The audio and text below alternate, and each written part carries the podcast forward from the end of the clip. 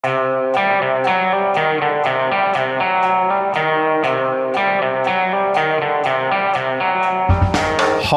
Greta Thunberg rett? Blir klimatoppmøtet i Glasgow en fiasko? Hva skjer når britenes høyt elskede dronning Elisabeth går bort? Og i dag eh, feires 50-årsdagen for de første pakistanske innvandrerne til Norge. Og vi spør hvordan gikk det egentlig? Det her er Gjæver og gjengen den 29. oktober, og først skal vi snakke om klima. Eh, og eh, Hanne Skartveit, politisk redaktør. Eh, hvorfor skriver vi så lite om klima på våre sider i VG? Ja, vi skriver vel ikke så lite om Jo, vi skriver ganske lite. Men klima er egentlig et sånt tema som er veldig veldig viktig, og som er veldig vanskelig å gjøre spennende. Er jo sikker på det? Altså, jeg, ikke, du, her kan vi jo bygge opp Nå skal vi ha halloween på, på, fred, på søndag. Der kan vi bygge opp en enorm sånn uh, engasjement, og, og det er skummelt, og det er dystert, og det er eksistensielt. Det er ikke masse drama i eh, klimaspørsmålet? Jo, og Derfor har vi sendt vår eminente Astrid Mæland til Glasgow, hvor hun skal dekke klimatoppmøtet. For hun er en av de som virkelig kan gjøre litt grå ting veldig spennende og gøy. Ok, altså Da bare får vi ballen fort over til deg. Du skal altså til Glasgow. da, er det det såkalte COP26, som er altså det 26. klimatoppmøtet skal avholdes. eh, Det begynner på søndag. Eh, Har du noen forventninger til det møtet? Ja, altså For min egen del så tror jeg det blir mye kø og kaos. og jeg håper jo at hotellrommet eller hostellrommet som jeg bestilte meg, er ledig. For det går jo rykter eh, om at folk blir rett og slett kasta ut fordi byen er full og folk har sett sitt snitt til å tjene ekstra penger. Så selv om jeg betaler 4000 kroner eh, natta for et elendig hostellrom, så, eh, så kan altså Glasgow-utleieren ta enda mer penger. Så det, det ligger an til et ganske mm, eh, kaotisk møte. Alle må teste seg hver dag, det blir lange køer. Og det kan òg føre til litt frustrasjon, da, kanskje, at det blir eh, sånn som det blir pga. covid. Vi skal komme litt tilbake til deg først. eh, Hanne, du, du skal jo skrive din sedvanlige lørdagskommentar eh, i, i morgendagens avis. Da. Du sitter jo og skriver nå. Eh, og eh, mer er sånn i forhold til Norge da, og, og klima, så er vi jo i en, eh, en veldig spesiell situasjon. Vi er jo en eh, olje- og gassproduserende nasjon, og, og det syns du er bra. Det skal vi fortsette med til ja, inn i evigheten. Nei, ikke inn i evigheten hans, Petter. Hvor lenge skal vi holde på med det? Eh, Vi skal fortsette å produsere olje så lenge verden trenger olje, samtidig som vi må sørge for at, at verden får mer ener fornybar energi. Det grønne skiftet er kjempeviktig, men vi vet jo at nå er det en energikrise i verden. Hvis det ikke er nok energi der ute, så eh, vil du for det første eh, så vil de som Da vil det være Russland, Saudi-Arabia, møkkaregimene som selger og som får på en måte Vesten i sin hule hånd. Det er en sikkerhetspolitisk utfordring. Pluss at hvis vi får energikrise hvor det er for lite energi før vi har kommet i havn med, med godt nok fornybar, så kan du også få ganske store sosiale opprør. Du må ha en helhetlig energipolitikk som både ivaretar sikkerhetspolitikken, som ivaretar det grønne skiftet, og som sørger for at det ikke blir sosiale opprør som kan slå tilbake. Er ikke, er ikke det bare en litt sånn eh, eufemisme eller en slags omskrivning av at eh, egentlig det, det vi snakker om her, at Norge trenger de pengene vi, vi får fra, fra oljen og gassen? Nei, men det hjelper jo ingen hvis Norge skrur av og går øh, konk. Det gjør vi ikke uansett. Men vi, vi, vi kan også produsere ganske mye penger som vi kan bidra med inn i den globale finansieringa av det grønne skiftet, for det er virkelig nødvendig. Men tror du det skjer? Altså, eh, det, det, vi hørte jo i morges her også at det, mange miljøorganisasjoner, også internasjonalt, mener at Norge har liksom, Vi er jo alltid den beste, flinkeste jenta i klassen, alltid nærmest. Men her så sleper vi på en stor bagasje som på en måte er litt pinlig også, da, inn i, inn i sånne forhandlinger som, som skal skje nå i Glasgow neste uke. Ja, det kan man godt si, men verden kommer til å trenge olje og gass lang, lang tid framover. Eh, gassen bidrar jo bl.a. til å bytte ut kull, som er mye mer forurensende, i en mellomfase, ikke i en evig fase. For i den evige fasen må vi få nok fornybare energikilder. Men det er veldig veldig smått, den andelen av sol og vind for eksempel, som er nå, i forhold til det fossile. Men blir, det ikke sånn at det fossile blir utsatt, jo, jo, jo mer gass vi pumper ut, og olje vi pumper ut på markedet? Det kommer an på Hvis du samtidig skattlegger veldig fossil energi med høye CO2-avgifter og gjør det dyrt, så vil det også gjøre det lettere Nå høres du ut som Jens Stoltenberg, Hanne. Ja, takk! det rare er jo at Jens Stoltenberg har jo alltid argumentert med at du må ta kuttene der hvor det er mest kostnadseffektivt å gjøre det. Og nå plutselig er det nesten bare Frp som bruker det argumentet som er ganske godt. Det betyr ikke at vi ikke skal kutte hjemme, men det er jo også et valid argument at du også må gå inn der hvor det er mest energieffektivt. Kina for eksempel, forurenser jo mest av alle med sitt kull. Hvis de ikke gjør noe med kullet, så kan da gå på en måte verden eh, åt skogen uansett. Men, men kan vi sitte og vente på diktatur i Kina?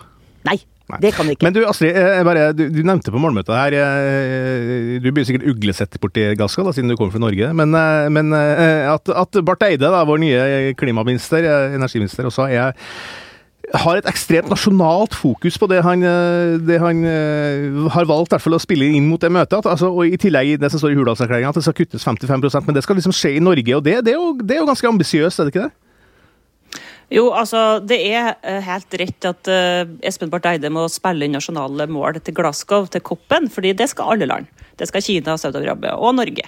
Uh, og han har jo spilt inn at vi skal halvere utslippene våre, da. Men han har uppa the game i Norge veldig i Hurdalserklæringa, og for så vidt snakka om det lenge.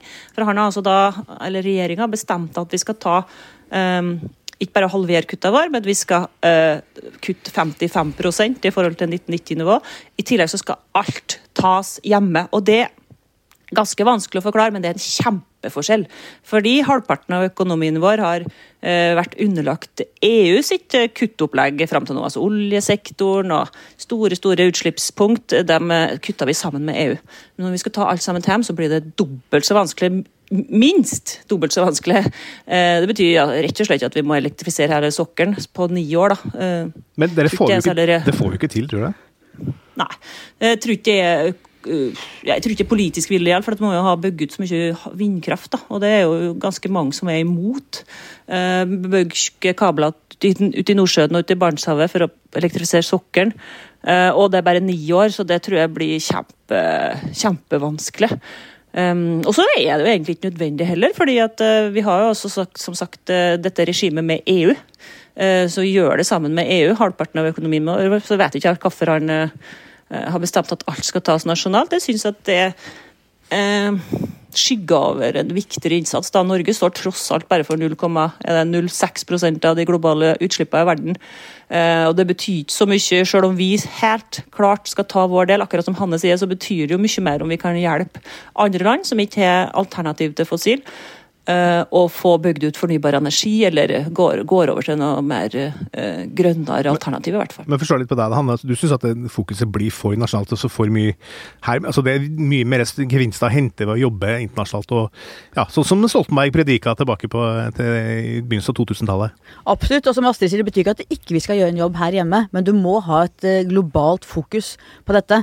Og bare et lite sidespor, vår gamle kampsak, Hans Petter. Det er veldig rart at store deler av miljøbevegelsen ikke argumenterer beinhardt for norsk EU-medlemskap. For det er jo EU og internasjonalt forpliktende samarbeid som kan virkelig forplikte og gjøre den store jobben. Noen av dem gjør jo det. Det er kanskje enda mer eh, rart at et uh, uttalt miljøparti som SV er så EU-kritisk når, når, miljø og klima for dem er den store saken. Ja, helt enig.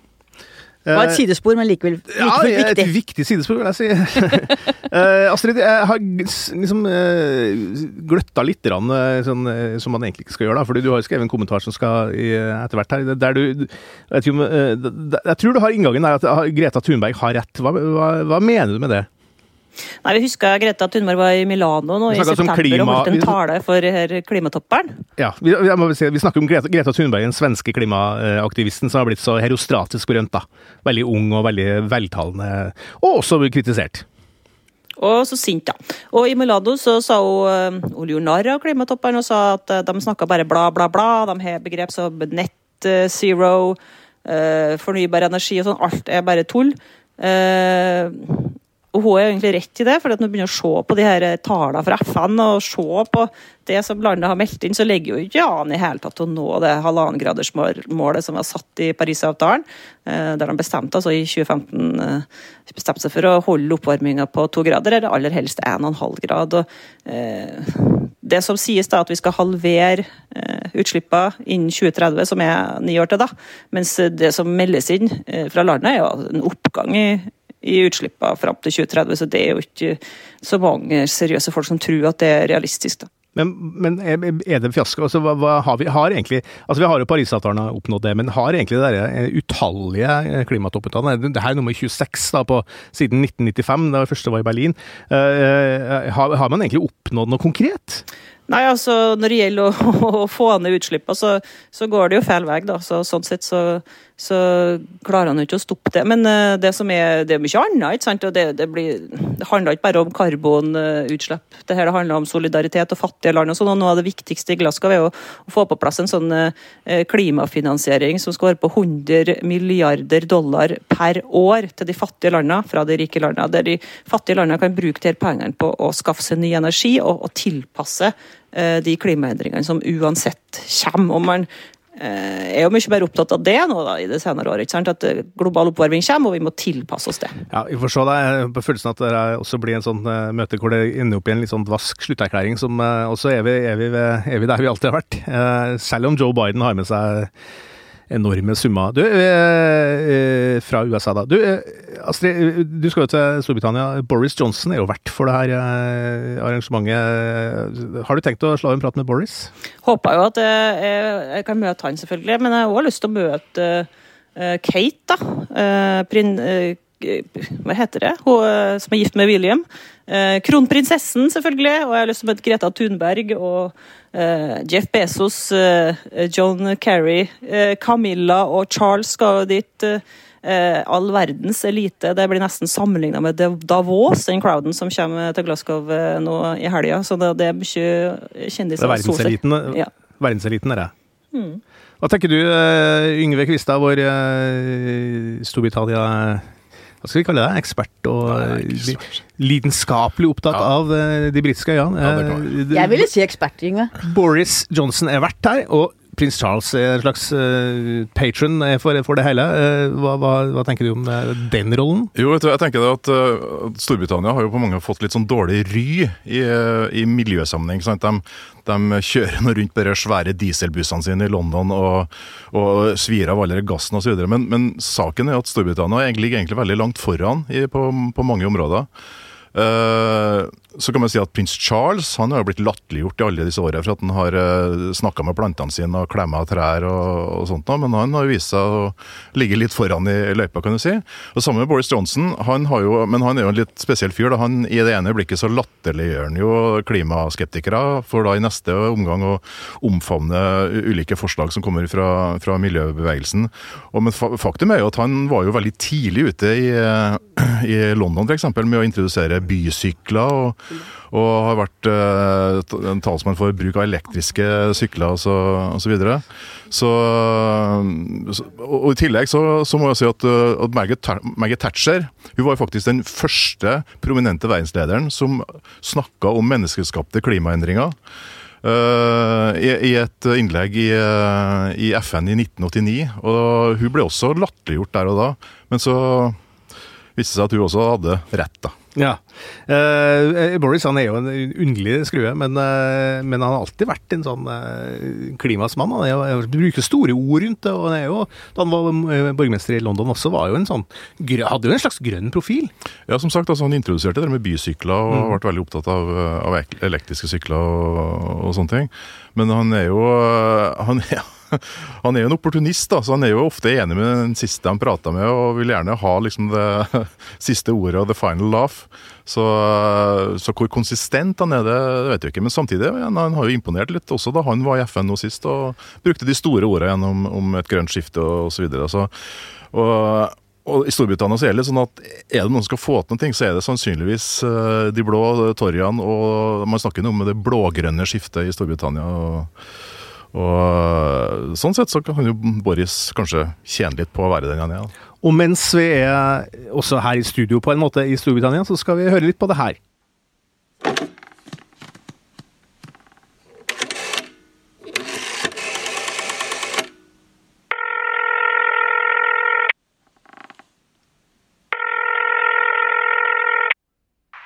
London Bridge is down. Ja, Yngve, eh, hva var, hva var det vi hørte her? Nei, det var en eh, scene, om ikke fra The Crown, så kanskje fra det virkelige liv. Eh, vi får se. Det er i hvert fall sannsynligvis sånn det vil høres ut når dronningens privatsekretær The Right Honorable Edward Young ringer til Downing Street eh, og gir beskjed til statsministeren om at eh, dronning Elisabeth er død. Dette er kodenavnet for den da Operasjon London Bridge, som da statsministeren umiddelbart skal iverksette. Det har jo, eh, altså, Elisabeth har sittet som dronning siden ja, 1952, er det ikke det? Jo, Ja. Det er like lenge så Det var året min mor ble født. Altså det er jo det, vi snakker jo om eh, en, en, en service, national service som har vart en stund. da, Eh, og Hun er jo blitt eh, gammel, 95 år, eh, og ble jo plutselig sykemeldt her forleden. og da, da Hun kommer fort tilbake, men det, det er jo ikke noe tvil om at vi snakker om en dronning her som eh, er på tampen av livet. da. Altså Tidligere så har man jo snakka om uh, hva skjer hvis dronninga dør. Nå er det mer et uh, har vel uh, kanskje livets realiteter kommet litt nærmere innpå innpå det, i og med at hun har drevet av, uh, avlyst uh, opptredener. Noe som er nærmest utenkelig. Hun har jo, som hun sa da tiltrådte, at hun skal stå i dette løpet livet ut og tjene nasjonen, og det har hun virkelig gjort. Og det er sånn, sånn sett så kan det også føles litt sånn, litt sånn ufølsomt og brutalt å snakke om liksom, hva skjer når dronninga dør. Eh, Men saken er jo at eh, jeg holdt på å si at det er jo en del av den, den store planen. altså I et konstitusjonelt monarki hvor titlene arves osv., så, videre, så er det eh, altså alle tronarvinger, alle i, tro, i arverekkefølgen, eh, utdannes et helt liv mot den dagen de skal ta over når forgjengeren dør. Eh, og det er ganske usentimentalt, uh, det hele. Og i og med at Og det litt bisarr, egentlig. ja, det kan du si, men samtidig så er det jo sånn Når, det først, når vi først har det systemet, og det, og det skal skje, da, så er det Det, det, det kan ikke skje noen noe tilfeldigheter. Alt må følge den store planen. Og, og i Storbritannia så har man jo hatt planer for dette helt siden 1600-tallet. Eh, dronningens øh, gravferdsplan øh, ble utferdig allerede på, på 60-tallet, og hun sjøl har jo vært med. Hun har jo sjøl aldri snakka om det, i likhet med hun har aldri snakka om noen ting. og har aldri gitt et Ja, det, jeg mener, det er jo litt bisarr å planlegge sin egen begravelse. Ja, altså Hun har ikke sagt noen ting om det her, i likhet med hun har aldri gitt et intervju. Men, men eh, prins Philip, hennes mann, han var litt mer litt mer usentimental. Han, han snakka litt om sin egen begravelse. Han fortalte jo også om den der Land Roveren som han nærmest egenhendig har bygd om, som skulle frakte eh, kista. da. Så, nei, så, så det, det der er det, Dette vet de i, i, det systemet. De vet også at eh, hva som skal skje. Det er masse prosedyrer. Og, og, og det er jo flere protokoller da, som inntreffer i det øyeblikket at, eh, at dronninga dør, da, og, som da kalles Operasjon London Bridge. Det er litt artig med det, altså Alle faktisk i, i kongefamilien har kodenavn som er uh, en eller annen bro. Uh, det har man jo for så vidt også tidligere visst, men ikke liksom Ingen har snakka om det. Men så plutselig, i, i en uh, episode av The Crown Jeg husker når, når prins Charles forsvinner, blir borte i dere, i dere um, snø, snøskredet, ikke sant? Ja, borte i Wales, var det det? Ja. Ja, nei, nei, han er, han er oppe, i, oppe i Alpene. Og så går, går Riktig. ja. Nå tenkte jeg på det jordskredet i Wales. da. Ja. Ja. Nei, og, så, og Da snakker han om at man skal iverksette eh, operasjon Menai Bridge. Og Menai Bridge er jo da eh, denne broen som går over Menai-stredet i Wales. Prinsen av Wales. Så han har da kodenavnet eh, Men- Men- Menai Bridge. Um, prins Philip eh, han hadde kodenavnet Fort Bridge, så da han døde, så ble den operasjonen iverksatt. Fort Bridge er bro i Edinburgh. Eh, og dronningmora hadde da Tay Bridge, som er en bro i, i Skottland, Uh, som også var, var planlagt og, og øvd. da. Men så, uh, så er for dette med over en bru over i evigheten, er det som er ja, det, skal, det, symbolet sym, altså det som blir sagt da, i, i The Crown, da, det er jo altså, Lillebeth sier jo at uh, We're all bridges. Og det skal da som symbolisere altså fra en forbindelse mellom dette livet og, og, og det neste. da. Eh, da Diane døde, så skjedde jo det litt fort og uventa. og da hadde de jo laga en plan for eh, dronningmora. Men hun levde jo til å bli 101 år, eh, og Diana døde jo for det. sånn at eh, da måtte de iverksette en operasjon som ble kalt Taybridge, som rett og slett var egentlig dronningmoras eh, begravelsesoperasjon, men de var nødt til å bruke på Diana da, for, å, for å få gjennomført det. Og det sier litt en ting liksom, om, om omfanget dette. ikke sant? For at det er altså, mange sånn hevdvunne prosedyrer som skal, som skal følges. og og, og, og han som bl.a. har da ansvaret for at begravelser skjer i henhold til protokoll og sånt, og det er da den, den 18. hertugen av Norfolk. Eh, og de har da hatt dette begravelsesansvaret for, kong, for eh, kongelige i Storbritannia helt siden 16, eh, 1672. Så dette er en lang, eh, lang tradisjon. Du, altså, si, Astrid, du som er veldig fan av eh, The Crown. eh, det må jo være utrolig artig å høre på Yngve fortelle om det her. Det, det, det er noe helt eget med det britiske kongehuset. Jeg elsker The Crown, og jeg elsker Yngve, og jeg elsker det britiske kongehuset. Det er tre nøtter til Askepott og alt mulig på en gang, det her. Hvordan, hvordan blir det, Yngve? Når, altså, hun er jo, det, det har skjedd så mye rart i den familien, der, og, og det er mye skandaler og det ene og det andre. Men, men dronning Elisabeth hun er jo et, et enormt ikon, og alle britene er jo glad i dronning Elisabeth. Hva skjer den dagen hun går bort? Hvordan, Altså- hvordan, hvordan, blir, det, altså, hvordan blir stemninga i, i hele riket da? Nei, altså det, det er jo en prosedyre for, om ikke for stemninga, men også hvordan det her skal formidles. ikke sant? For at, eh, at eh, Som det klippet vi hørte, som altså, er da en tenkt situasjon, men er, i henhold til prosedyre så er det det som skal skje. altså det, det Telefonen til en, på en sikker linje i Downing Street ringer, og, og privatsekretæren sier da at uh, London Bridge is down. Uh, Da vet uh, statsministeren, hvem det nå enn er, at operasjonen skal iverksettes. Og Det første som skjer da er at UDs såkalte responssenter ringer rundt da til alle stats, nei, regjeringssjefene i de 15 eh, samveldelandene der, der monarken i Storbritannia er fortsatt Så stats- Australia og. Canada, sånn. Ja, Australia, Canada, Jamaica, Bahamas osv. Mm. Og så går det umiddelbart samtidig eh, ut melding da, til de øvrige 35 Commonwealth-nasjonene, som er da eh, tidligere medlemmene i imperiet, altså Pakistan, eh, India, eh, eh, Kenya, Sør-Afrika osv. Uh, og så er det interessant, for nå er det en, er det en eh, I det skjer, så vil det være en periode som da ingen vet at dronninga faktisk er død. For at nå skal det, de- altså de nærmeste skal informeres, og det er jo da også ambassadører osv. I, ved alle ambassadene eh, som er tilknytta krona, da, så er det en egen prosedyre for eh, en boks som skal åpnes, som inneholder et eget sørgebind. Eh, det er eh, tre, to, tre, tom, tre og en kvart tomme. Eh, Det skal bæres på venstre hånd. eh, Og det skal da påføres når de da informerer da rundt omkring i verden at uh, dronninga har gått bort. Så skjer det to parallelle ting. og Det er at det går ut en uh, sånn klerk fra Buckingham Palace. Går det til hovedgata, hovedporten. Uh, henger opp et svart skilt der det står at uh, The Queen has passed away. Parallelt så blir det gitt beskjed til BBC om hva som har skjedd. Umiddelbart så går BBCs røde logo i svart, og de eh, iverksetter sin protokoll, som også er, er avtalt. Da er det avtalt hva som skal sies, eh, avtalt hvem som skal si det, det er avtalt hva vedkommende skal ha på seg når vedkommende eh, kommer med nyheten. Og så eh, går man umiddelbart over i et eh, 59 minutters dokumentarprogram eh, som er laga også på forhånd. Eh, og om dronningens liv, og så er det da og så videre og så videre. Og så har selvfølgelig The Sky, Sky News har også øvd.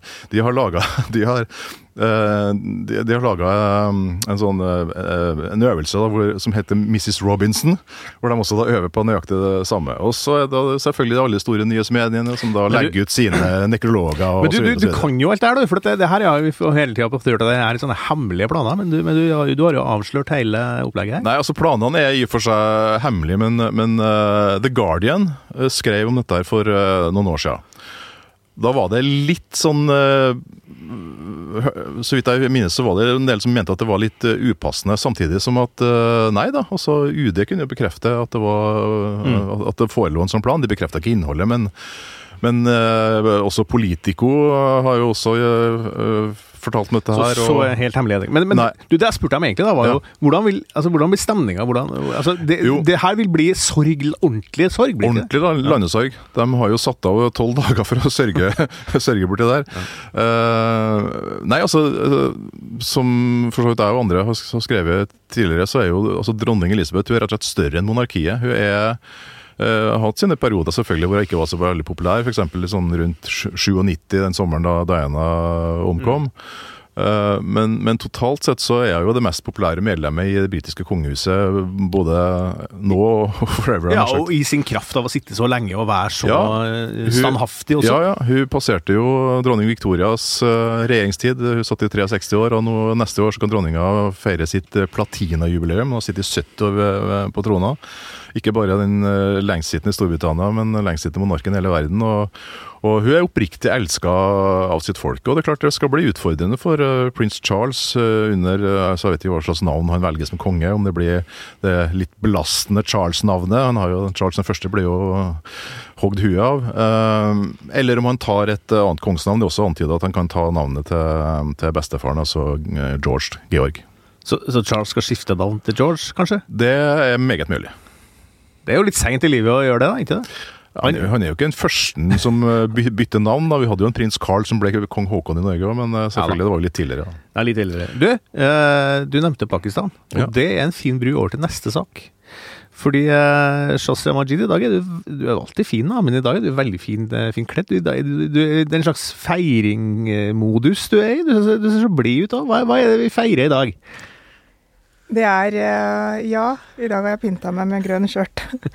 Eh, vi feirer jo at eh, de første eh, arbeidsinnvandrerne fra Pakistan kom til Norge i 1971. Egentlig så skjedde jo det på sommeren, men faren min han kom akkurat rundt denne tida, faktisk. Nesten, vet, nesten på dagen, altså denne måneden. Så det er jo veldig, veldig passende da at um, Oslo kommune og Raymond Johansen uh, markerer 50-årsjubileum uh, for de første pakistanerne som kom hit. Så det, det syns jeg er helt på sin plass. For det er, en veldig, det er en veldig stor gruppe i Norge etter hvert blitt?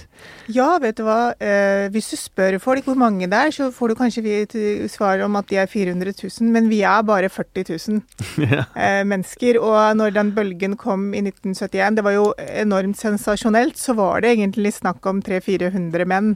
Men det er klart at Norge var jo helt annerledes, så det ble jo eh, ordentlig eh, hva skal jeg si, sjokk da når de ble sto rett opp ned på Karl Johans gate og ikke visste hvor de skulle gjøre av seg. Egentlig skulle jo alle til England.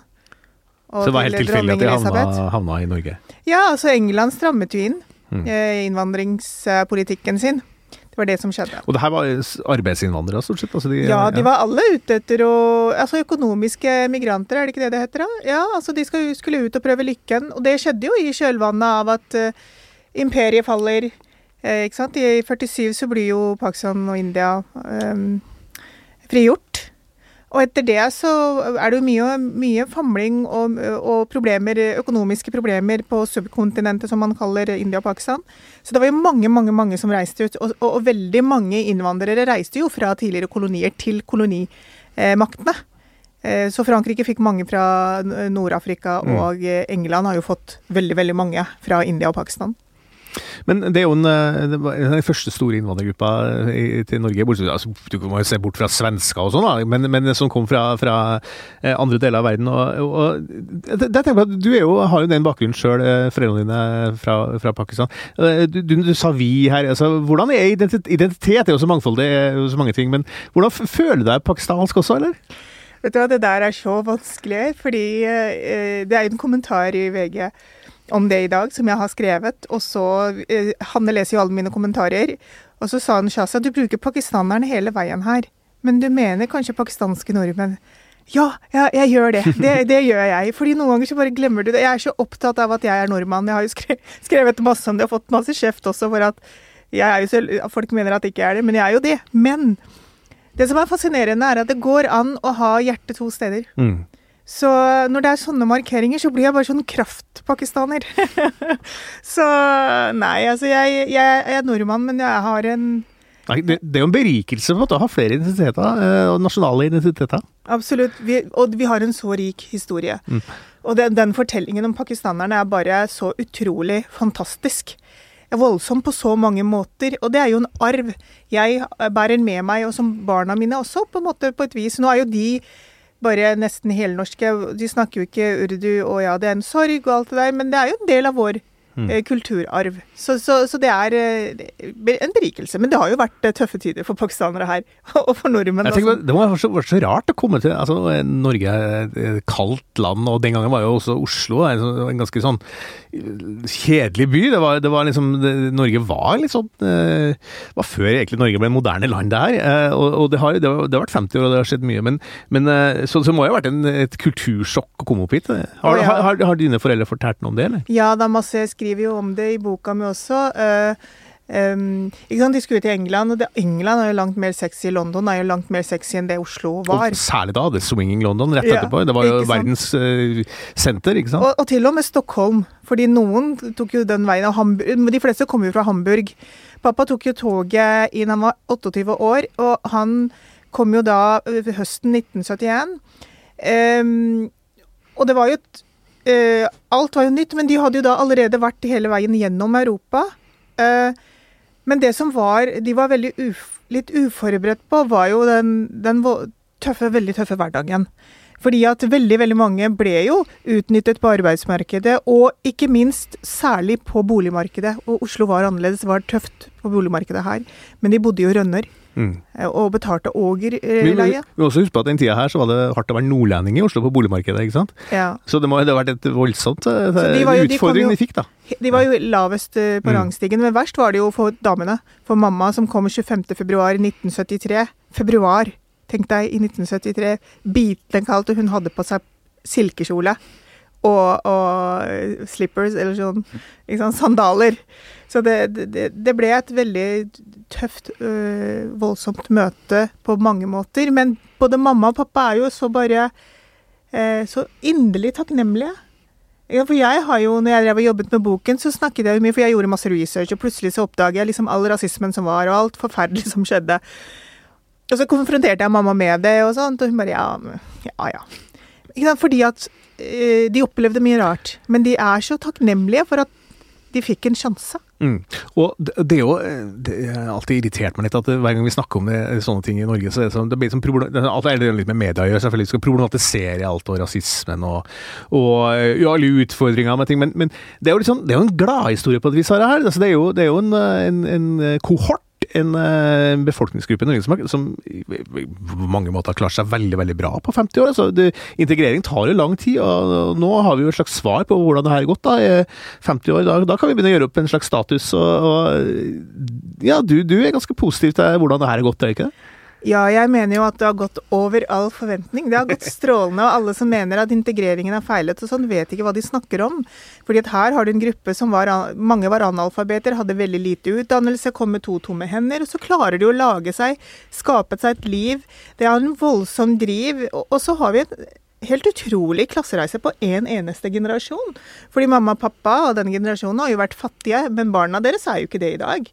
Og pakistanerne, eller barna, altså pakistanske nordmenn, da, eh, første generasjons nordmenn, det er jo, de er jo den mest innflytelsesrike gruppa i Norge, eh, altså innvandrergruppen i Norge i dag. Så det har jo Det, det har gått uh, kjempe... Har, men det er, altså det er klart, jeg skriver i kommentaren min i dag også om tvangsekteskap og taxijuks og alt det som også er en del av den historien. Men jeg, jeg syns at det er helt på sin plass å feire i dag, fordi at uh, den reisen, uansett hvordan den begynte og sånn, så har den på en måte endt godt, da. Yngve, du blir rørt av det her, du. Ja, jeg blir egentlig det. Jeg, jeg syns det er veldig vakkert. Jeg, jeg, jeg bare kom på en veldig morsom historie eh, som jeg fortalte meg av en av de aller første som kom, som kom til, til Norge. eh, faktisk i 69 eller 70, jeg husker ikke helt. Eh, og han uh, var allerede én slektning som hadde kommet i forkant. altså Han og broren var det vel søskenbarn som, som kom hit. De landa på Fornebu. Det var sommeren, det var varmt. De har brukt opp alle pengene sine på, det, på flybilletten fra, fra København. Eh, så landa de på Fornebu. Det var varmt. De hadde ikke penger til buss og ante heller ikke hvor de skulle dra så de begynte å gå. Og så begynte de å gå innover, og så så de en vei, og så så de eh, ja, så endte de nede i Rolfsbukta. Og Der var det badestrand.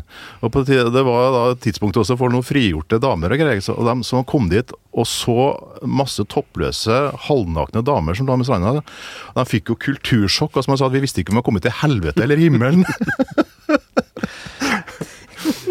Ja, det var en eh, Ja, det, det var, men det var i hvert fall et, en, en, lang rekke av kultursjokk, da. Og eh, gjennom 50 år så har vi jo kanskje lært alle sammen litt eh, hvordan, eh, hvordan Norge har forandra seg fra å være et ganske monokulturelt land til å være et flerkulturelt land, og med det også blitt et mer spennende land. Så. Det er i hvert fall min, mitt take på det her. Du, vi skal runde av her nå, for nå det her har vært veldig hyggelig å sitte i studio alle sammen her, bortsett fra Astrid Mæland, som er på hjemmekontoret sitt.